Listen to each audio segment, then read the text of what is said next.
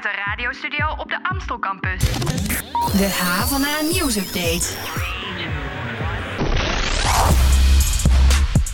Wat fijn dat je luistert naar de nieuwsupdate. Dit is de wekelijkse podcast van HVA waarin we je bijpraten over wat er speelt op en rond de Hogeschool van Amsterdam. En vandaag doen we het iets anders dan normaal. We gaan het namelijk deze hele podcast hebben over luisteren naar studenten. Hoe zorgt het bestuur van de HVA dat de besluiten die zij nemen over het beleid van de hogeschool eh, aansluiten bij wat studenten belangrijk vinden? Nou, daarover praat ik uitgebreid met een student die het grootste deel van zijn tijd doorbrengt in de bestuurskamer van de HVA en dus niet in de collegebanken. Eh, Ruben Neuhaus. Ehm, ja, Ruben, Ja. Hi, eh, stel je allereerst even voor. nou, mijn naam is Ruben Neuhaus. Ik ben drie, 24 jaar, sorry. ik ben 24. Eh, ik woon in Amsterdam. Ik kom eigenlijk uit Horen. Ja. Eh, daar ben ik opgegroeid. Ik studeer HBO rechten. Ik zit nu in mijn vierde jaar, dus ik ben bezig met mijn minor. Eh, en ik hoop nou ja, volgend jaar klaar te zijn, want dit jaar gaat niet lukken. Maar Ja. Waarom gaat het niet lukken? oh, nou, dit jaar ben ik de studentassessor van de Hogeschool van Amsterdam. En dat is een fulltime baan. Eh, bijna wel. Het is in ieder geval 24 uur, dus ik kan gewoon geen afstudeerstage doen. Dat is een Nee. beetje lastig natuurlijk, als je gewoon 24 uur werkt. Ja. Wat doe je in die 24 uur? In die 24 uur ben ik bezig met het ja, perspectief inbrengen van de studenten. En dat Waar? dus, Waar doe je dat? ja, vooral bij het college van bestuur. Dus ik Ja. ben elke week aanwezig bij de bestuursvergaderingen. Ja. Eh, maar ook bij de decanen. Die hebben ook eh, elke twee weken overleg. Daar zit ik dan bij. Ehm, en eigenlijk ook eh, ja, verschillende afdelingen op de HVA vragen... als er een studentenperspectief ingebracht moet worden... dan komen ze bij mij uit. Ik denk dat heel veel studenten niet goed weten wat dat college van bestuur nou precies is. Hè? Dus le- leg even uit. je hebt decanen, je hebt het college van bestuur. Wat doen die mensen? Eh, je hebt de, het college van bestuur ja, bestuurt eigenlijk de Hogeschool van Amsterdam als geheel. Ja. Dus de gehele organisatie. En de decanen die hebben dus allemaal een eigen faculteit. Dus we hebben er zeven. En die vormen dus eigenlijk samen het bestuur. Ja. Eh, ja, die besturen de hogeschool. Ja, en dat zijn oude, slimme mensen met eh, nette kleding aan. Eh, nou ja, niet, niet, al, niet altijd. Bestuur, bestuur, de, de college van bestuur zijn eigenlijk wel altijd netjes gekleed. Maar de Ja. decanen zien er niet, niet, lopen niet elke dag rond in pak. Maar ik bedoel eigenlijk te zeggen, hè, zij hebben kennelijk behoefte aan een student, aan iemand die wat jonger is, die meer weet misschien wat er leeft onder die studentenpopulatie, eh, om hen te helpen om die hogeschool goed te besturen. Ehm, ja, zo kan je het wel zeggen. Het is, het is voor- hun misschien ook soms lastig, omdat ze natuurlijk heel ver weg zitten van de student. Mhm. En nou, ze zijn, geven, geven allemaal geen les, dus ze zijn eigenlijk nooit in contact met de student. Ja. En heel veel beslissingen die hun maken hebben wel effect op studenten. Ja. Dus op die manier denk ik dat ze dat af en toe willen toetsen aan een student. Of ze wel ja, doen wat goed is voor de studenten van de hogeschool. Ja, en eh, je hebt ook de medezeggenschapsraden. Hè? Die heb je per faculteit, maar die heb je ook voor de hele hogeschool. Dat is de centrale medezeggenschapsraad. Wat is er anders aan jouw functie dan wat zij doen? Want zij praten ook al mee. En daar zitten ook studenten in die dat perspectief van de student vertegenwoordigen. Even, even nadenken hoor. Ja, de medezeggenschapsraad is natuurlijk wel een raad. Dus het is wel zo dat ze soms eh, moeten nadenken wat de hele raad denkt. Dat je dat natuurlijk met z'n allen bent. Ja. Eh, en hun hebben dus, de raad heeft wel formele macht. En die heb ik niet bijvoorbeeld. Dus ze Oké. hebben advies en instemming zegt op bepaalde onderwerpen. En dat heb ik niet. Dus het is niet zo dat jij echt een, een, een van de eh, leden van het bestuur bent eh, die mee mag besluiten. Nee, dat niet. Oké. Er wordt wel gevraagd naar mijn mening. Ja? En ik denk dat daar ook een verschil zit. Is dat ze natuurlijk de medezeggenschapsraad zien ze niet elke week. Dus dan wordt het ook heel moeilijk om... Ja, het, het kan, zou wel kunnen, maar het gaat natuurlijk heel veel tijd en energie kosten... als je elke beslissing die je neemt... voor elk onderwerp dat je bespreekt tijdens een vergadering... Mhm. nog gaat toetsen aan, het, eh, aan de medezeggenschapsraad. Want die hebben natuurlijk ook zelf eigen onderwerpen... die hun belangrijk vinden... waar hun mee aan de slag gaan voor Ja. studenten. Maar even voor, voor het idee, ehm, je mag niet mee beslissen, eh, maar wel mee praten. Wat, wat, eh, mm, is het dan niet een beetje een, een nou, eh, leuke functie voor de bühne? Eh, kijk, we hebben ook een student, eh, maar eigenlijk heb je helemaal geen zeggenschap. Je bent een, beetje, je bent een, beetje, een beetje als de koning, ben je. Weet je, als de koning. Ja. Interessante vergelijking. Ik denk, nou, het, het is natuurlijk wel zo dat ik heb helemaal geen formele machtspositie. Het, het ik krijg wel het gevoel zeg van het college van bestuur dat ze luisteren naar wat ik te zeggen heb. En ze zijn ook heel, heel geïnteresseerd in wat ik denk als student. Hoe geven ze jou dat gevoel? Door eh, altijd eigenlijk te vragen van hoe denken studenten hierover? Of hoe denk jij hierover? Of hoe heb je hier geluiden van gehoord? Ja. Ehm, dus op die manier probeer ze echt actief op zoek te gaan naar eh, wat studenten denken. En dat, dan vraag, dat vragen ze dan aan mij. En hoe kom jij erachter wat de studenten denken? Want er lopen er grove 45.000 rond op de HVA op verschillende locaties. Ehm, jij studeert hier op de Amstel campus. Ga je bijvoorbeeld ook wel eens naar Osdorp, naar de sportfaculteit, om daar te vragen aan een ALO-student van... hey, wat vind jij dat het bestuur moet doen? Nou, ik ben nog niet in Osdorp geweest. Oei. Op zich is het wel heel dicht bij mijn huis, dus ik zou er op, op zich heen kunnen fietsen. Ja. De Am- Amstel campus is voor mij verder weg dan eh, eh, Osdorp. Ehm, ja, wat ik, waar ik nu eigenlijk mee bezig ben, het is nu heel lastig. Nu is het vooral heel veel zelf bedenken. Dan reden- redeneer ik uit het punt van wat is het beste voor de eh, student van de Hogeschool van Amsterdam. Ja. En op die manier dan eh, ja, die belangen te behartigen. Eh, maar ik ben dus bezig met het opzetten van een klankbordgroep die mij helpt met het bepalen van ja, wat denken de studenten. Ja. Dus nu doe ik het nou niet helemaal alleen. Ik praat natuurlijk wel met een heel klein gedeelte van de studentengemeenschap. Ja. Maar dat is dus de bedoeling dat ik aan het eind van het jaar echt een groep studenten is. Nou, natuurlijk verspreid over alle faculteiten. Die mij helpen met ehm, ja, nadenken over wat het beste is voor de studenten van de hogeschool. En zijn dat dan studenten die ook al bestuurlijk actief zijn? Of eh, probeer je juist studenten die niet zo geïnteresseerd zijn eh, eh, erbij te betrekken? Ik probeer wel een mix te maken. En het is voor mij nu makkelijker om de actieve studenten die te bereiken. Maar het is natuurlijk wel belangrijk om ook studenten die hier komen eigenlijk om te studeren en niet iets naast hun studie hier in de, op de hogeschool dan ook bij, de, bij het Ja. gesprek te betrekken, omdat hun ook onderdeel zijn van de organisatie. Ja. Ehm, dus ik probeer die wel te betrekken, maar die zijn wel een stukje moeilijker te benaderen dan de actieve studenten. Ja, als wij, op de, als wij als HVA op de campus praten met studenten en vragen van wat vinden jullie nou echt eh, belangrijke onderwerpen, waar zou het over moeten gaan, dan eh, hoor je heel vaak eh, er zijn te weinig stopcontacten, er zijn te weinig studieplekken. Ehm, ik had een docent die niet kwam opdagen, de roosters zijn altijd KUT. Eh, heel praktische dingen vaak. Zijn dat ook thema's die jij inbrengt bij dat college van bestuur? Eh, ja, zeker. Eh, zeker ook bijvoorbeeld afgelopen met de eh, herfstvakantie of de herfstreces Ja. en de buffer doetsweek was het Wiebuitenhuis tot 12 uur open. Mhm. En dat koppel ik dan wel terug. Ik heb er hele positieve dingen van gehoord van studenten. Dat ze dat heel fijn vinden. En dat koppel ik dan wel terug direct ook aan het college van bestuur, zodat Ja. ze dat weten. En Dat is iets positiefs. Als er nou echt iets heel negatiefs is een keer, koppel je dat dan ook terug naar het bestuur? Ja, zeker. Als ik, als ik dat te horen krijg en ik denk van ja, dit is voor het bestuur ook belangrijk om te, belangrijk om te weten. En ze kunnen hier wat aan doen. En dit speelt echt onder studenten. Ja. Dan zou ik dat zeker eh, met, het met het bestuur bespreken. Ja, ik zit me heel erg af te vragen. Hè? Je bent eh 24, zei je. Dan zit je daar met eh, gepokte en gemazelde onderwijsbestuurders. Die eh, nou, ook wel veel geld verdienen en pretenderen overal verstand van te hebben. Hoe, hoe boks je daar tegenop? Want ik kan me voorstellen dat je het soms ook wel oneens bent met ze. Ehm, ja, ik, eh, ik, ja, ik ben wel een persoon die altijd zegt wat, zegt wat ik denk en zegt Ja? wat ik voel. En ehm, niet mijn mond dicht houdt. Oké. Dus ik vind het prima als iemand het niet met me eens is om daar lekker over te discussiëren. Of Mhm. te bekijken van oké, ik vind het wel belangrijk om te bekijken oké, wat is het andere standpunt. Maar ik vind het echt prima om er rustig tegen in te gaan. Ja. En dan een discussie te voeren over onderwerpen. Ben jij zelf ook nog heel erg bezig met ontdekken wat die functie nou precies is? Ehm, Met andere woorden, kun jij zelf invulling geven aan die functie? ja, zeker, zeker. Ik heb ook een aantal eigen speerpunten. Dus er zijn natuurlijk een aantal onderwerpen waar ik op gevraagd word. Ja. En eigen onderwerpen die ik zelf heel belangrijk vind, die ik dan zelf, eh, waar ik zelf dingen op ga doen. Noem eens op. Eh, diversiteit, Ja? duurzaamheid, eh naar de bekendheid, slash zichtbaarheid van de functie. Ja. Dus daarom in zijn interviews, dat soort dingen helpen daar natuurlijk bij. Ja, ja, ik zet een vinkje erbij. Ja, precies. En ehm, ehm, dat klankbord wat ik wil opzetten, dat zijn Ja. de vier dingen die ik eh, zou willen doen dit jaar. Oké.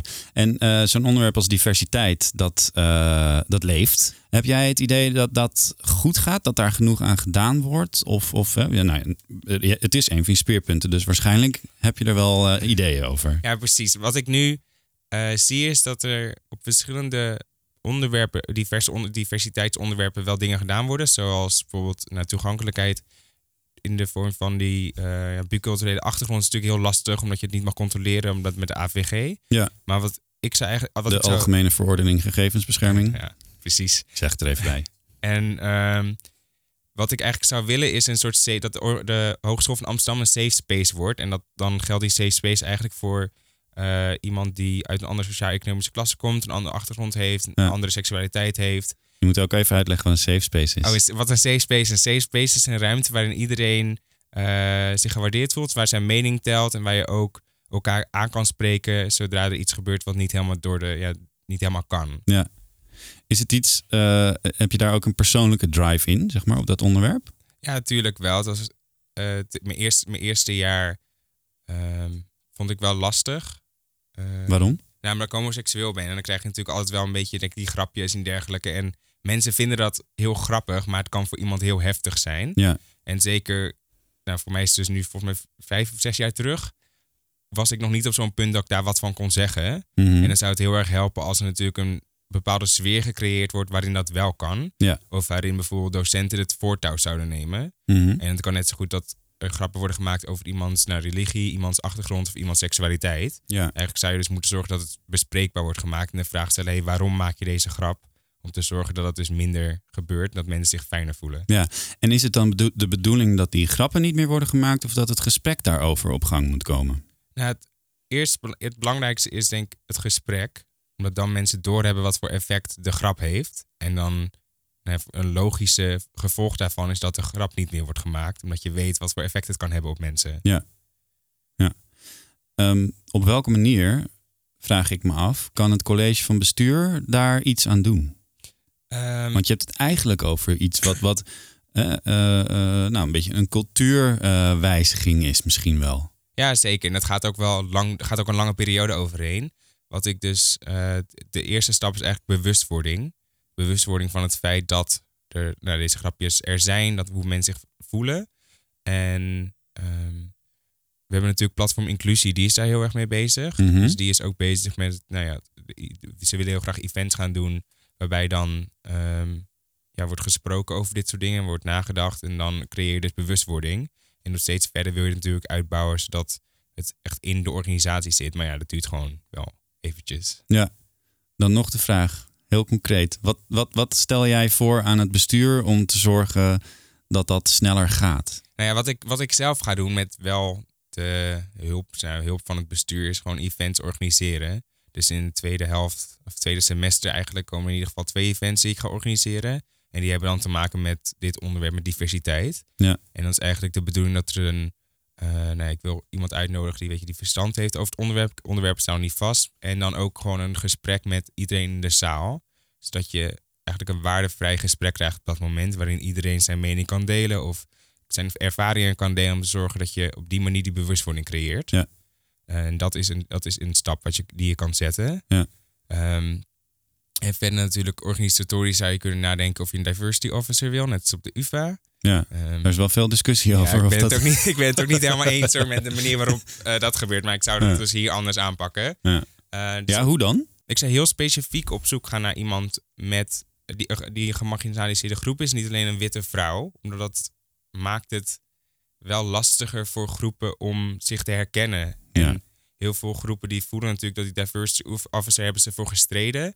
En nu is het iemand die, waar ze zichzelf niet herkennen. Dus het Ja. lijkt het een heel fair iets. Toch waardoor er heel veel weerstand gaat ontstaan. Ja, maar toch in een ideale wereld zou het ook, bij wijze van spreken, een witte man moeten kunnen zijn, een diversity officer. Toch? Ja, ja, klopt. In de ideale wereld is, eh, is zeg maar natuurlijk, ma maakt dat niet meer uit. Maar daar zijn we nog niet. We zijn nog op het punt dat die verschillen, dat iemand met een andere huidskleur of een andere religie anders wordt behandeld dan iemand die, zeg maar, een wit cisgender man. Ja. En daar, daar zijn we zijn nog niet op dat punt waarin iedereen gelijk is. Er is nog steeds sprake van ja, discriminatie, racisme, op zeg maar op heel veel verschillende manieren. Ja. Ben jij in dat kader blij met de diversiteitsquota die eh, de HVA dit jaar voor personeel heeft ingesteld? ja zeker. Even voor de, voor de luisteraar die het niet weet.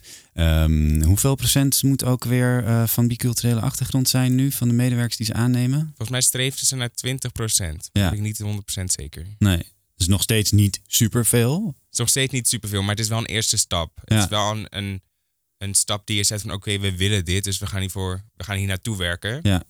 En dan hoop je natuurlijk dat je het op een gegeven moment, met een quota is, hoop je dat het op een gegeven moment kan afschaffen. Mhm. Ehm, dat je dan natuurlijk zoveel procent is dan, heeft een andere achtergrond of andere diverse, diverse, diverse achtergronden.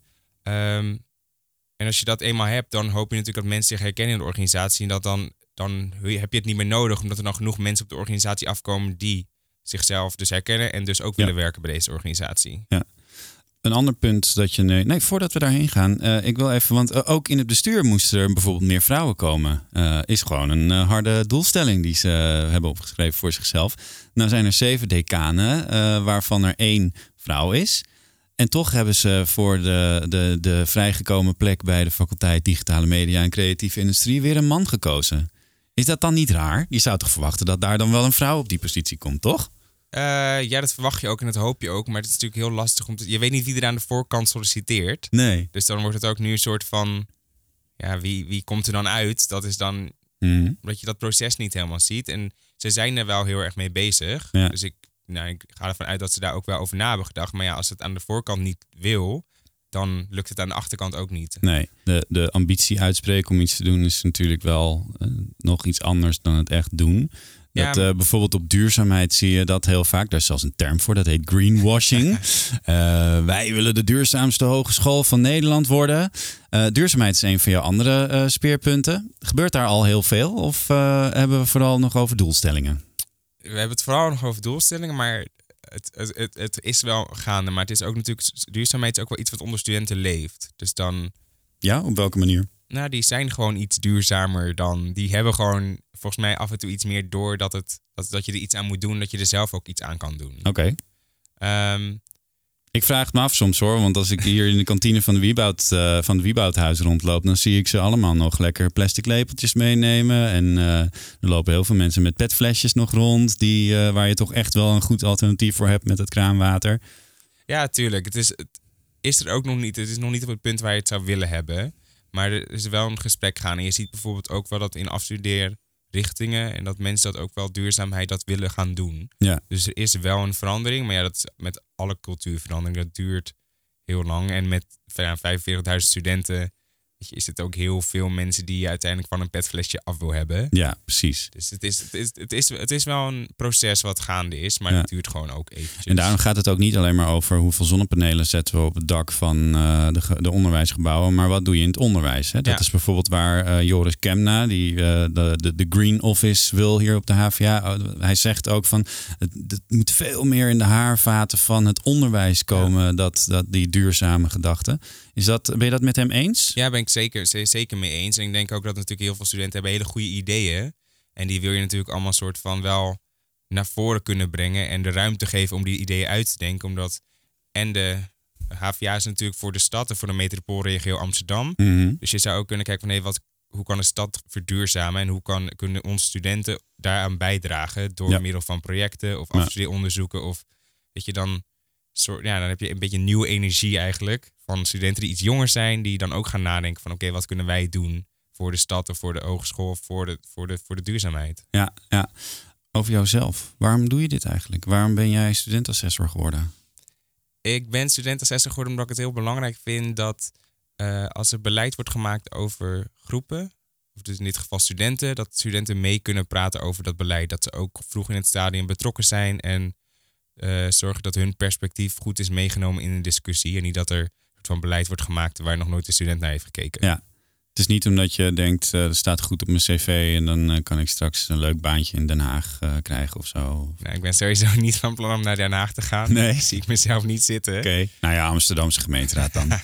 Nou, gemeente, als ik als, als, maar die kans is heel klein omdat ik het niet, ik vind het niet leuk, eh, zou ik wel gemeenteraad gaan doen. ja. Omdat je dan veel meer voor elkaar kan krijgen dan je, dan, dat je daar in Den Haag zit en de hele tijd compromissen moet sluiten over van alles en nog wat. ja, want even, je hebt, je hebt eerder eh, ook wel bestuursfuncties gedaan. Ik ken jou ook nog van je tijd bij de Amsterdamse Studentenvakbond. Wat heb je daarvan meegenomen en waar, waar, eh, wa- wa- wat is er anders dan bij zo'n vakbond zitten en nu bij het CVB zitten? Want ik kan me voorstellen dat je hem hier misschien juist wel heel vaak in compromissen praat en denkt.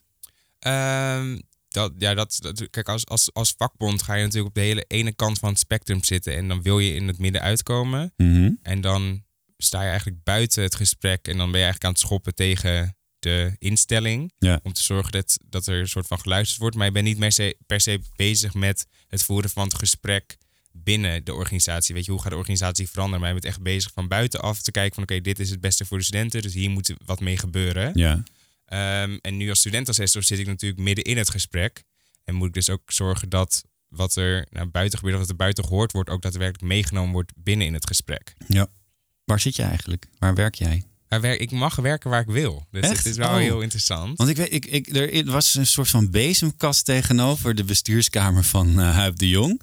Oh ja, Eh, daar waar, waar, daar zit je ook wel eens? Ja, ja, ja, maar ik vind het op zich wel, het is een, het is gewoon uit een bezemkast. Ik- Volgens mij is het een prima... Nou ja, het is een beetje een geüpgrade printerhok. Vind je niet? Er was niet eens daglicht binnen.